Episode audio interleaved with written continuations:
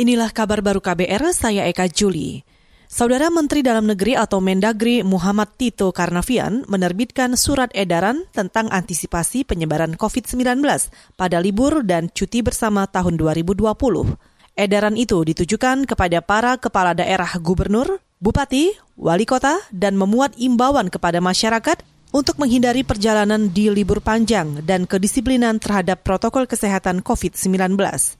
Dalam surat edaran itu, Mendagri meminta kepala daerah bersama Forkopimda melakukan rapat untuk mengidentifikasi potensi kerawanan penularan di daerah masing-masing. Mendagri juga meminta kepala daerah mengaktifkan mekanisme pertahanan pengendalian virus corona seperti pada saat lebaran Idul Fitri silam.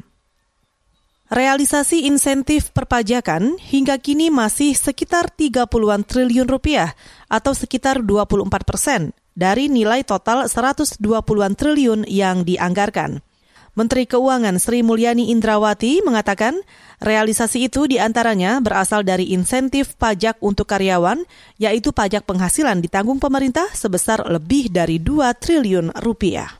Kita juga memberikan pembebasan PPh 22 impor yang terrealisir, terrealisir sampai 7,3 triliun. Kemudian perusahaan-perusahaan yang sekarang ini menghadapi tantangan luar biasa, mereka boleh mencicil penurunan angsurannya hingga 50 persen. Itu tadi Menteri Keuangan Sri Mulyani.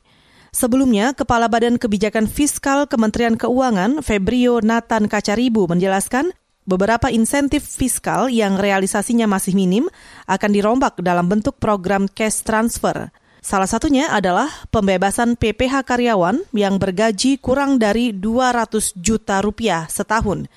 Menurutnya, selama ini insentif ini belum dijalankan optimal oleh pengusaha.